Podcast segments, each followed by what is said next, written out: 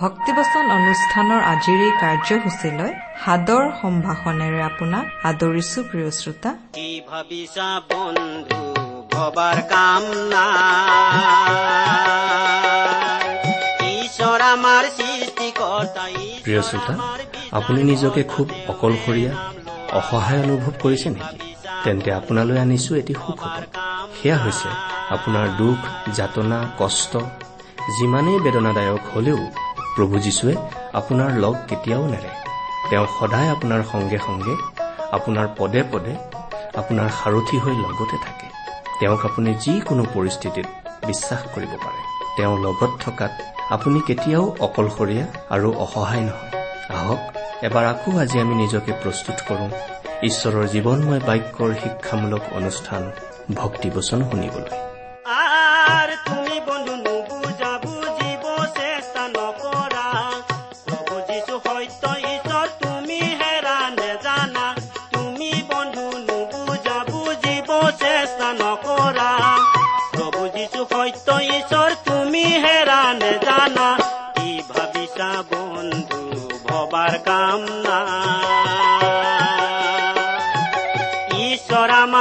সৃষ্টিকৰ্তা ঈশ্বৰ আমাৰ বিচাৰ কৰ্তা তেওঁৰে নাম লোৱা। কি ভাবিছা বন্ধু ভবাৰ কাম নাই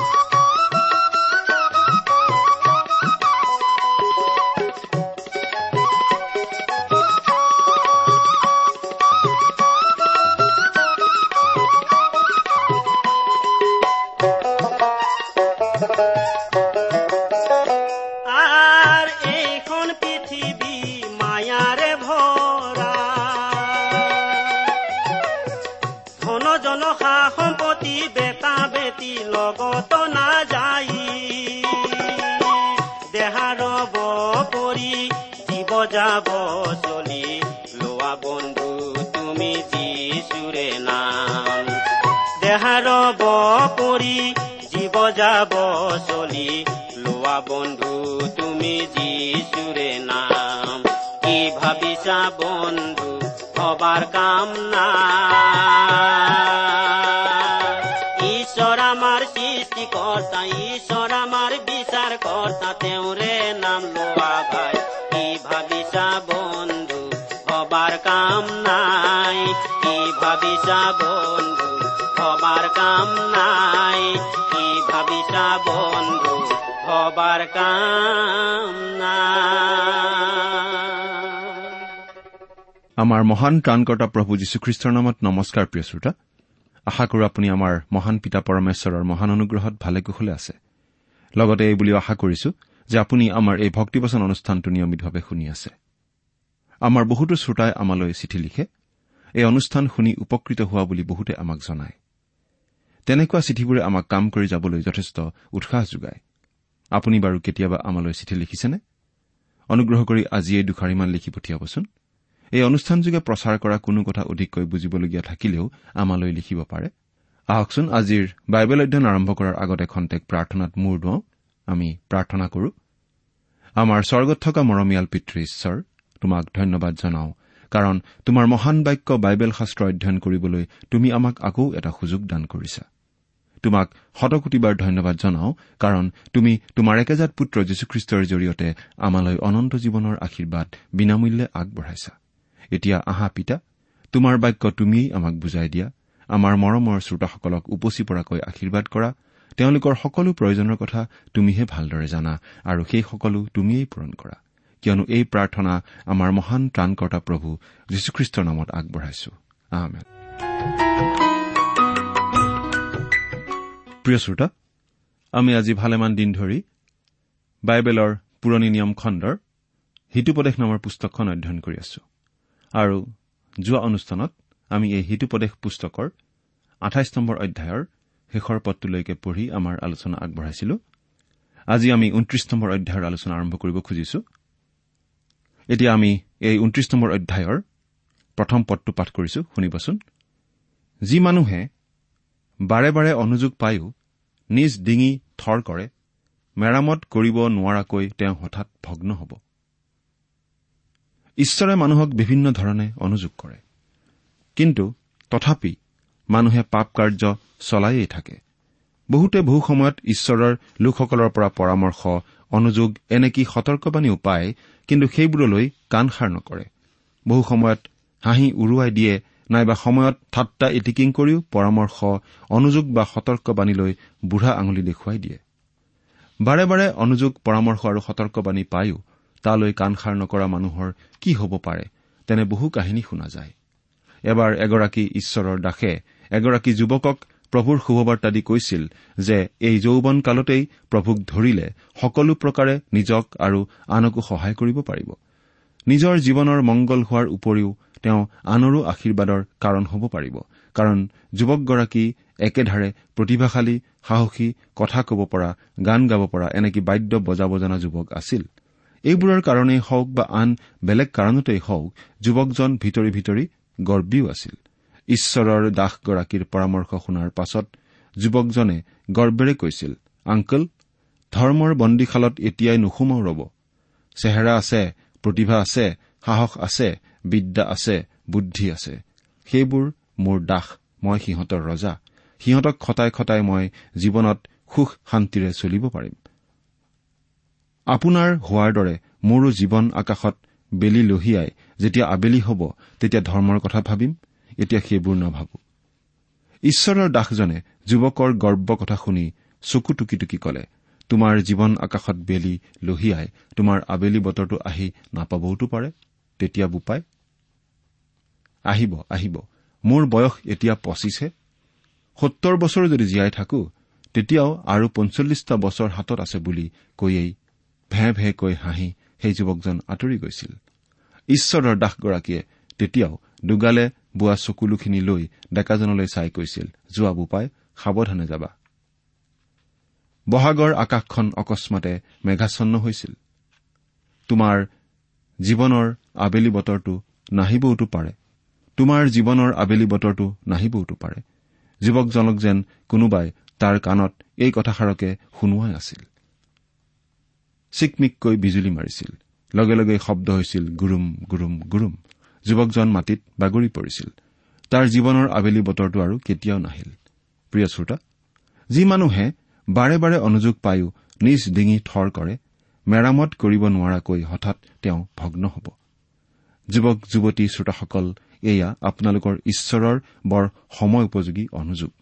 যিসকলৰ কাণ আছে কাণ পাতি শুনক। বাইবেলতো এনে দুৰ্ভগীয়াসকলৰ বিষয়ে আমি পঢ়িবলৈ পাওঁ।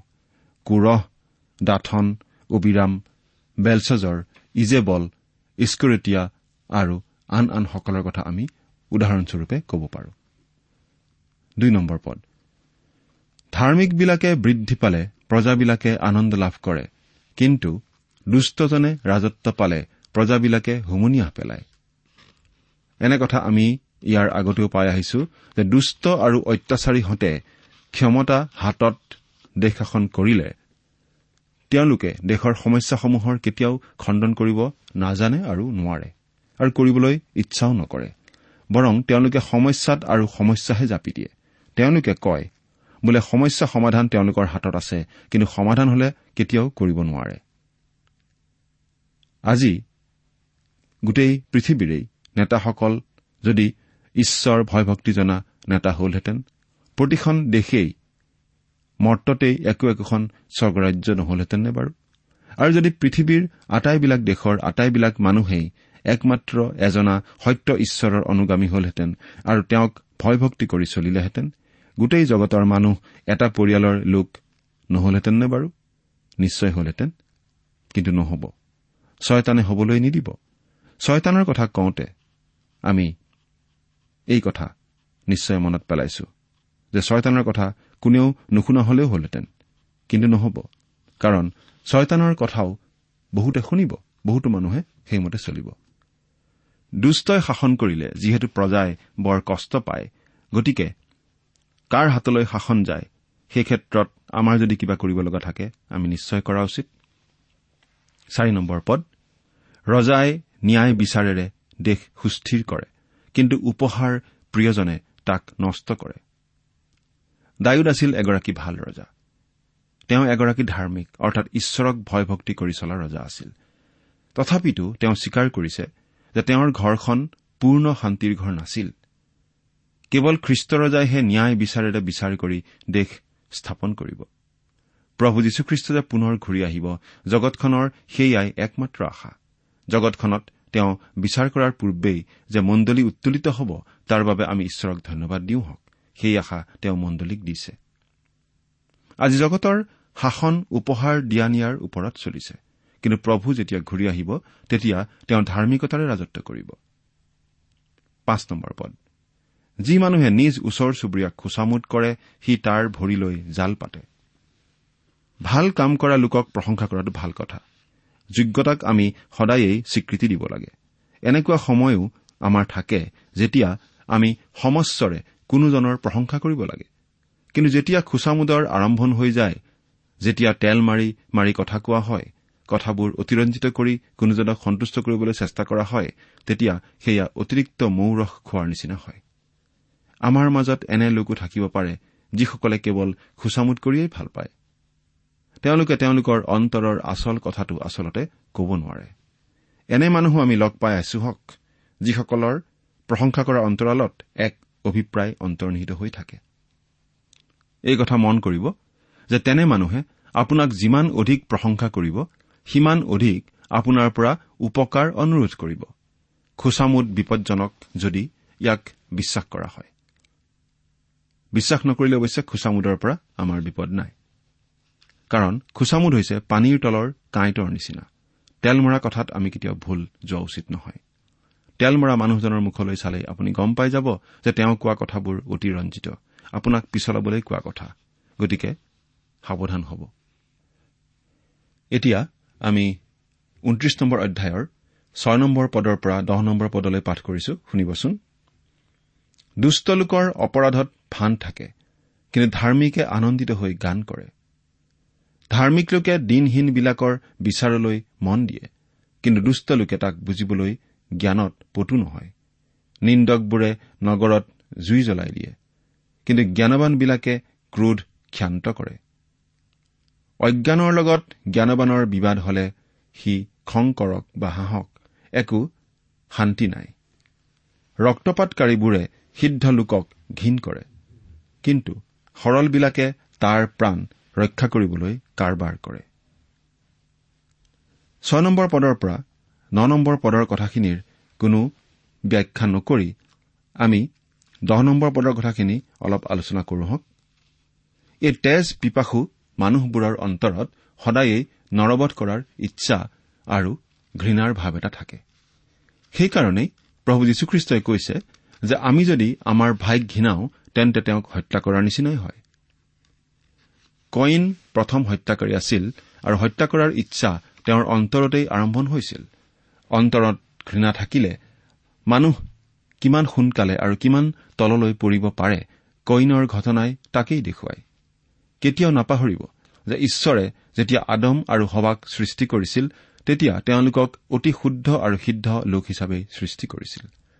কিন্তু তেওঁলোক যেতিয়া পতিত হল তেতিয়া তেওঁলোকে জগতক কেৱল এটা বস্তুকেই দিব পাৰিলে আৰু সেইটোৱেই হ'ল এগৰাকী পতিত পাপী মানুহ।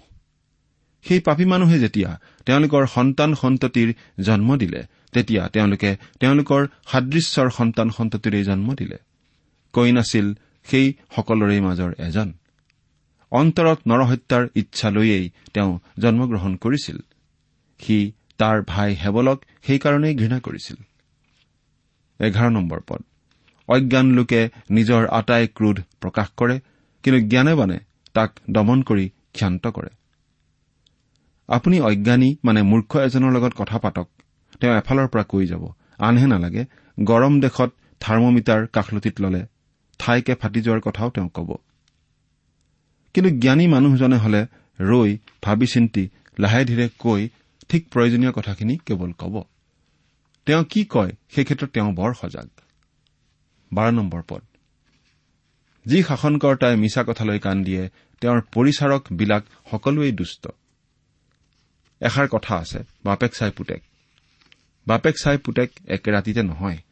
বাপেকে কি কৰিছে কি খাইছে কি কৈছে কেনেকে কৈছে এই সকলো সৰুৰে পৰাই বাপেকৰ পৰা দেখে আৰু সি ক'ব নোৱাৰাকৈয়ে সেইবোৰে তাৰ জীৱনত প্ৰভাৱ পেলায় আৰু সিও বাপেকৰ নিচিনাই হয়।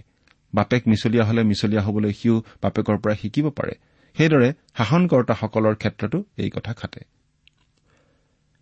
জ্যেষ্ঠৰ আচৰণৰ প্ৰভাৱ কনিষ্ঠৰ জীৱনতো পৰিবই। জ্যেষ্ঠজনো মিছলীয়া আৰু সেইকাৰণে জ্যেষ্ঠজনৰ মিছা কথা কোৱা আচৰণৰ সুযোগ লৈয়েই কনিষ্ঠসকলো মিছলীয়া দুষ্ট হয়। এতিয়া আকৌ তেৰ নম্বৰ পদৰ পৰা সোতৰ নম্বৰ পদলৈ পাঠ কৰি দিছো মাথোন কাৰণ এই পদকেইটাৰ প্ৰায়বোৰ বিষয় আমি ইতিমধ্যে আলোচনা কৰি আহিছো। পাঠ কৰি দিম। দৰিদ্ৰ আৰু ধনী এই দুয়ো লগ পোৱাপুই হয়। তেওঁলোকৰ দুয়োৰো চকু উজ্জ্বল কৰোতা জীহু আহে। যি ৰজাই সত্যভাৱে দৰিদ্ৰবিলাকৰ বিচাৰ কৰে তেওঁৰ সিংহাসন চিৰকাল থিৰে থাকিব। চেকনি আৰু ধমকি প্ৰজ্ঞাদায়ক। কিন্তু শাসন নকৰা ল'ৰা নিজ মাতৃক লাজ দিওঁতা। দুষ্টবোৰ বাঢ়িলে অপৰাধো বাঢ়ে। কিন্তু ধাৰ্মিকবিলাকে সিহঁতৰ পতন দেখিব। তুমি তোমাৰ পুত্ৰক শাস্তি দিয়া তাতে তেওঁ তোমাক শান্তি দিব। এনেকি তোমাৰ প্ৰাণক আনন্দিত কৰিব। এতিয়া ওঠৰ নম্বৰ পদটো পঢ়ি দিছো। ঐশ্বৰিক দৰ্শনৰ অভাৱত প্ৰজাবিলাক অবাধ্য হয়। কিন্তু যি মানুহে ব্যৱস্থা পালন কৰে তেওঁ ধন্য। ইয়াত দৰ্শন মানে হৈছে আচলতে আধ্যামিক বোধ জ্ঞান। বিশ্বাসকাৰীজনৰ জীৱনত ঈশ্বৰৰ বচনৰ বোধ শক্তি দিবলৈ এইটো অৰ্থাৎ দৰ্শনটো হৈছে পবিত্ৰ আত্মাৰ কাম। প্ৰথম চমুৱেল তিনি নম্বৰ অধ্যায়ৰ এক নম্বৰ পদত আমি এনেদৰে পাওঁ। সেই কালত জিহুৱাৰ বাক্য দুৰ্লভ আছিল দৰ্শন যেতিয়াই তেতিয়াই নহৈছিল। ঈশ্বৰৰ বচন সেই সময়ছোৱাত পাবলৈ টান আছিল পোৱা নগৈছিল কোনেও কোৱা নাছিল ঈশ্বৰেও বচন অনবৰতেই দিয়া নাছিল। সেয়ে মানুহৰ মাজত ঈশ্বৰৰ বচন বুজি পোৱা বোধ শক্তি বৰ কম আছিল আৰু সেয়ে ই বৰ দুৰ্লভ আছিল। সেয়েহে এগৰাকী দৰ্শক অৰ্থাৎ দেখা পাওঁতা এজন ৰূপে ঈশ্বৰে চমুৱেলক আহান কৰি গঢ় দিছিল এই অভাৱটো দূৰ কৰিবলৈ। প্ৰিয় শ্ৰোতা আপোনাৰ নিশ্চয় মনত পৰিব যে যীশুচুৱাই উগুল থুগুল অৱস্থাত আছিল কাৰণ শিবিৰটোত কিছুমান ভাৱবাণী হৈছিল। কিন্তু মুচিয়ে কৈছিল জিহুৱাৰ আটাইবিলাক ভাৱবাদী হোৱা হলে আৰু জিহুৱাই তেওঁবিলাকৰ ওপৰত নিজ আত্মা বাকী থাকিবলৈ দিয়া হলে মই কেনে সন্তোষ পালোহেঁতেন? গণনা পুস্তক এঘাৰ অধ্যায় ন নম্বৰ পদ। আধ্যামিকভাৱে চিনাক্ত কৰিব পৰা বা চিনি পাব পৰা বৰ ঈশ্বৰে মণ্ডলীক দান কৰিছে আৰু সেই বৰটোৱেই হৈছে ঈশ্বৰৰ বচন বুজি পাব পৰা বোধ শক্তি। আৰু সেইটোৱেই হৈছে দৰ্শন। পুনৰ ঊনৈশ নম্বৰ পদৰ পৰা সাতাইছ নম্বৰ পদলৈ পাঠ কৰি দিছো। আমি ইয়াৰ ওপৰত বিশেষ আলোচনা আগ নবঢ়াওঁ একেটা কাৰণতেই যে এইবোৰ পদত যিবোৰ বিষয় আছে সেই বিষয়বোৰৰ ওপৰত কম বেছি পৰিমাণে আমি ইতিমধ্যে আলোচনা কৰি আহিছো। পাঠ কৰি দিছো শুনিবচোন। কথাৰে দাসক শুধৰোৱা নাযায় কিয়নো সি বুজিলেও মন নিদিব। হঠাৎ কওঁতা মানুহক তুমি দেখিছানে? তাতকৈ অজ্ঞানৰ বিষয়ে অধিক আশা আছে। যিজনে নিজ দাসক লৰা কালৰে পৰা কোমলভাৱে প্ৰতিপালন কৰে সেই দাস শেষত তেওঁৰ পুতেকৰ নিচিনা হয়গৈ। খঙাল লোকে বিবাদ জন্মায় আৰু ক্ৰোধী লোকে অধিক অপৰাধ কৰে। মানুহৰ অহংকাৰে তাক নত কৰে কিন্তু নম্ৰচিত্তৰ লোকে সন্মান পায়। যি মানুহ চোৰৰে সৈতে অংশীদাৰী সি নিজ প্ৰাণক ঘীন কৰে। শপত দিয়া শুনিও সি একো নকয়। লোকলৈ কৰা ভয়েই ফাণ্ড উপস্থিত কৰে। কিন্তু যি মানুহে জিহুৱাত ভৰসা কৰে তেওঁ নিৰাপদে থাকিব। অনেকে শাসনকৰ্তাৰ শাসন বিচাৰে কিন্তু মানুহৰ বিচাৰ নিষ্পত্তি জিহুৱাৰ পৰাহে হয়। অন্যায়কাৰী মানুহ ধাৰ্মিকবিলাকৰ ঘীনলগীয়া কিন্তু সৰল পথৰ লোক দুষ্টৰ ঘীনলগীয়া। ঊনত্ৰিশ নম্বৰ অধ্যায়ৰ অধ্যয়ন আমি ইমানতেই সামৰি এতিয়া ত্ৰিশ নম্বৰ অধ্যায়লৈ আগবাঢ়ো হওক। ত্ৰিশ নম্বৰ অধ্যায়টোত যিবিলাক নীতিবচন আছে সেইবিলাক কোনোবা এগৰাকী বিশেষ লোক আগোৰে ৰচনা কৰিছে। আগোৰ আচলতে কোন তাক জনা নাযায়। প্ৰথম পদটোত দিয়া পৰিচয়ৰ পৰাও তেওঁৰ বিষয়ে জানিব পৰা নাযায়। পঢ়ি দিছো। জাকিৰ পুত্ৰ আগুৰৰ বাক্য ঈশ্বৰীয় বচন। সেই মানুহে ইথিয়েলক ইথিয়েল আৰু উকালকো কয় বোলে ইয়াৰ কোনজনক অৰ্থাৎ ইয়াত থকা নামৰ কোনো ব্যক্তিকে আচলতে জনা নাযায়। আগুৰ আছিল কোনো অজান ভাৱবাদী আৰু অজান লিখক। তেওঁলোকৰ নামবোৰ ইব্ৰীসকলৰ নামৰ নিচিনা। আগুৰ মানে হৈছে গোটোৱা আৰু জাকি মানে হৈছে সাধু মানুহ। এতিয়া চাৰি নম্বৰ পদটো পঢ়ি দিছো। কোনে স্বৰ্গলৈ উঠি নামি আহিছিল? কোনে নিজ মুঠিত বতাহ ধৰিছিল? কোনে নিজ কাপোৰত জলসমূহ বান্ধি ৰাখিছিল? কোনে আটাই সীমা নিৰূপণ কৰিছিল? যদি জানা তেন্তে তেওঁৰ নাম কি? আৰু তেওঁৰ পুত্ৰৰ বা নাম কি? কোৱা। এইটো মন কৰিবলগীয়া কথা যে এনে কিছুমান প্ৰশ্ন ঈশ্বৰে ইউবকো সুধিছিল। এনেবোৰ প্ৰশ্নৰ উত্তৰ কোনে দিব পাৰিব? প্ৰভু যীশুৱে কৈছে স্বৰ্গবাসীজন অৰ্থাৎ যি মানুহৰ পুত্ৰ স্বৰ্গৰ পৰা নামিল তেওঁৰ বাহিৰে কোনেও স্বৰ্গলৈ উঠা নাই। জোখন তিনি নম্বৰ অধ্যায়ৰ তেৰ নম্বৰ পদ। সেইকাৰণেইটো প্ৰভুৰ এই কথাৰ ভিত্তিত আমি নিশ্চয়তাৰে ক'ব পাৰো যে প্ৰভু যীশুখ্ৰীষ্টই বিশ্বব্ৰহ্মাণ্ডৰ আৰম্ভণি আৰু সৃষ্টিৰ কথাত একমাত্ৰ তেওঁৰেই কৰ্তৃত্ব। তেওঁৰ বাহিৰে আন কোনো থাকিব নোৱাৰে। বিশ্বব্ৰহ্মাণ্ডৰ আৰম্ভণিৰ সঠিক ব্যাখ্যা বা প্ৰমাণ কাৰো হাতত নাই। বিজ্ঞানীসকলে মানুহৰ ক্ৰমবিকাশৰ সম্বন্ধে যেনেধৰণৰ শিক্ষা দাঙি ধৰিছে সেয়াই প্ৰমাণ কৰে যে বিজ্ঞানীৰ হাততো এই বিষয়ৰ ব্যাখ্যা নাই। চন্দ্ৰলৈ গৈ আমি মানুহে যে ইমান টকা খৰচ কৰিলো তাৰ অন্তৰালত এইটো উদ্দেশ্যও আছিল যেন লাগে যে চন্দ্ৰৰ কিছুমান পাথৰ সংগ্ৰহ কৰি সেইবোৰৰ ওপৰত গৱেষণা কৰি ক'ব পাৰো বিশ্বব্ৰহ্মাণ্ডৰ প্ৰথম উৎপত্তিৰ কথা। কিন্তু বাইবেলৰ আৰম্ভণিতেই ঈশ্বৰৰ বচনে আমাক কৈছে যে ঈশ্বৰে আদিতে আকাশমণ্ডল আৰু পৃথিৱী সৃষ্টি কৰিলে। সেইদৰেই বিশ্বব্ৰহ্মাণ্ডখনৰ উৎপত্তি হ'ল। আৰু তাৰ পাছত যে কোৱা হৈছে পৃথিৱী নিৰ্জন আছিল আৰু শূন্য আছিল আৰু আন্ধাৰ অগাধ জলৰ ওপৰত আছিল। এইখিনিয়ে পৃথিৱীত ঘটা ক্ৰিয়াৰ কথাক বুজায় বুলি কিছুমানে কয়। অৰ্থাৎ সৃষ্টিৰ পাছত পৃথিৱীৰ আপোনা আপুনি কিছুমান ক্ৰিয়া প্ৰতিক্ৰিয়া আৰু পৰিৱৰ্তন ঘটিছিল। মানুহে সেইদৰে ক'ব পাৰে কিন্তু ঈশ্বৰে আমাক কোৱা নাই কেনেকৈ তেওঁ সৃষ্টি কৰিলে? আমাৰ কোনেও নাজানো বিজ্ঞানীসকলেও ক'ব নোৱাৰে। এই উত্তৰ কাৰো হাতত আচলতে নাই। অগুৰৰ এই প্ৰশ্নবোৰৰ পৰিপূৰক হিচাপে প্ৰভু যীশুৱে কৈছে বায়ুৱে যেই পিনলৈ ইচ্ছা কৰে সেই পিনলৈ বয় আৰু তুমি তাৰ শব্দ শুনিবলৈ পোৱা কিন্তু সি ক'ৰ পৰা আহে আৰু কলৈ যায় তাক নাজানা? জোখন তিনি নম্বৰ অধ্যায়ৰ আঠ নম্বৰ পদ। আমিও নাজানো। আৰু সেইটোৱেই আচলতে শুদ্ধ উত্তৰ। শেষৰ দিনাখনত আমি যেতিয়া স্বৰ্গলৈ যাম। তেতিয়া আমি স্বৰ্গতহে নিশ্চয় সেই উত্তৰবোৰ জানিম। এতিয়া হলে নাজানো।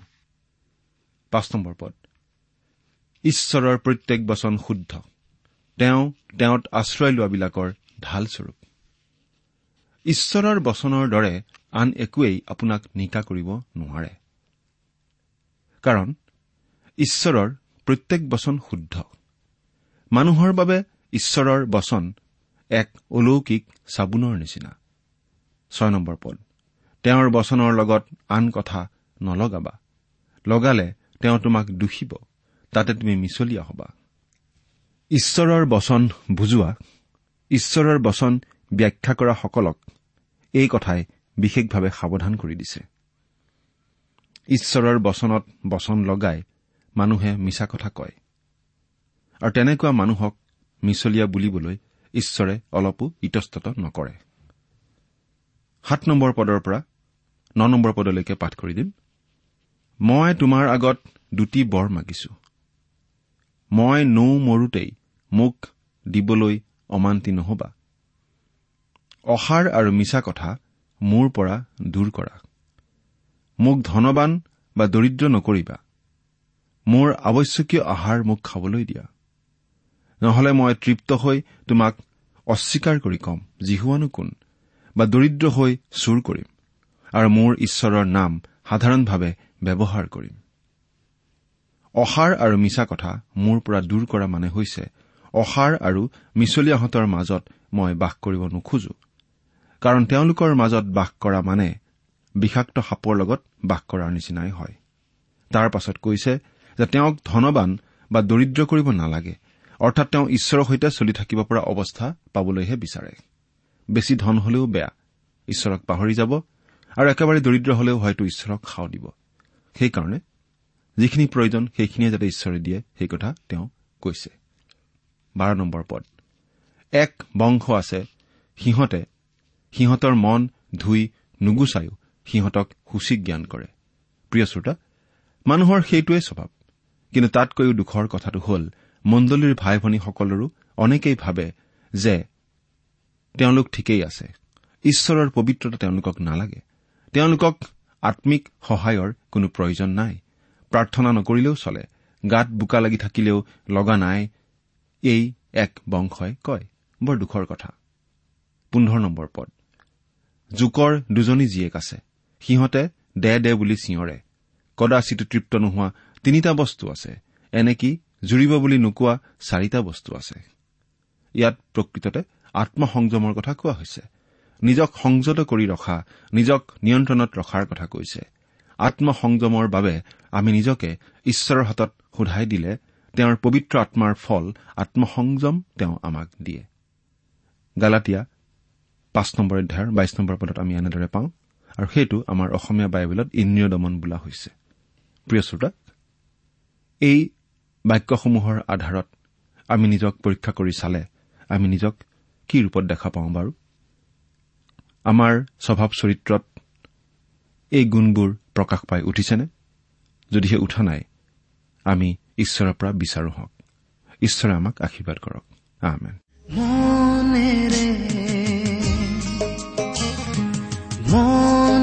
প্ৰিয় শ্ৰোতা ইমান পৰে আপুনি বাইবেল শাস্ত্ৰৰ পৰা ঈশ্বৰৰ বাক্য শুনিলে।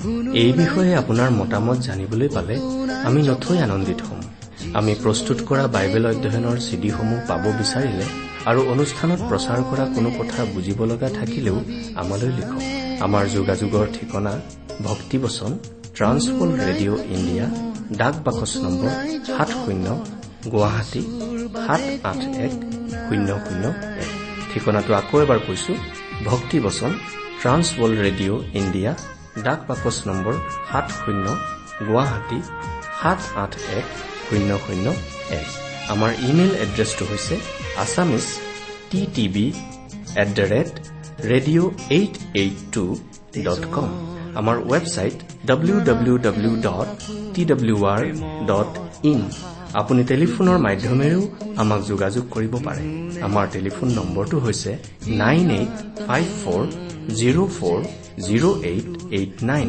Phone নম্বৰটো আকৌ এবাৰ কৈছো ন আঠ পাঁচ চাৰি শূন্য চাৰি শূন্য আঠ আঠ ন। আপুনি এই ভক্তিবচন অনুষ্ঠানটি আমাৰ website radio' eight eight two dot কমতো শুনিব পাৰিব। আজিৰ অনুষ্ঠানটি ইমানতেই সামৰিছো। ঈশ্বৰৰ শান্তি আৰু অনুগ্ৰহ আপোনাৰ লগত থাকক। ধন্যবাদ।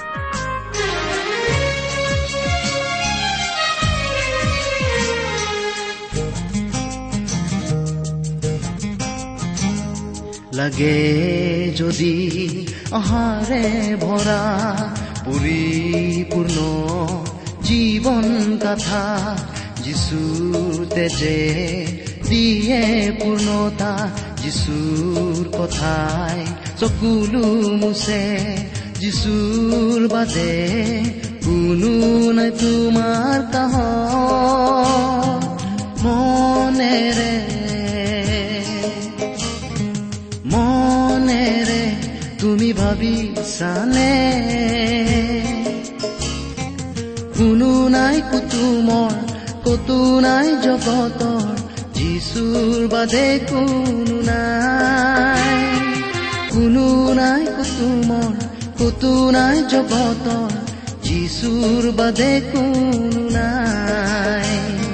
যিচুৰ বাদে কোনো নাই।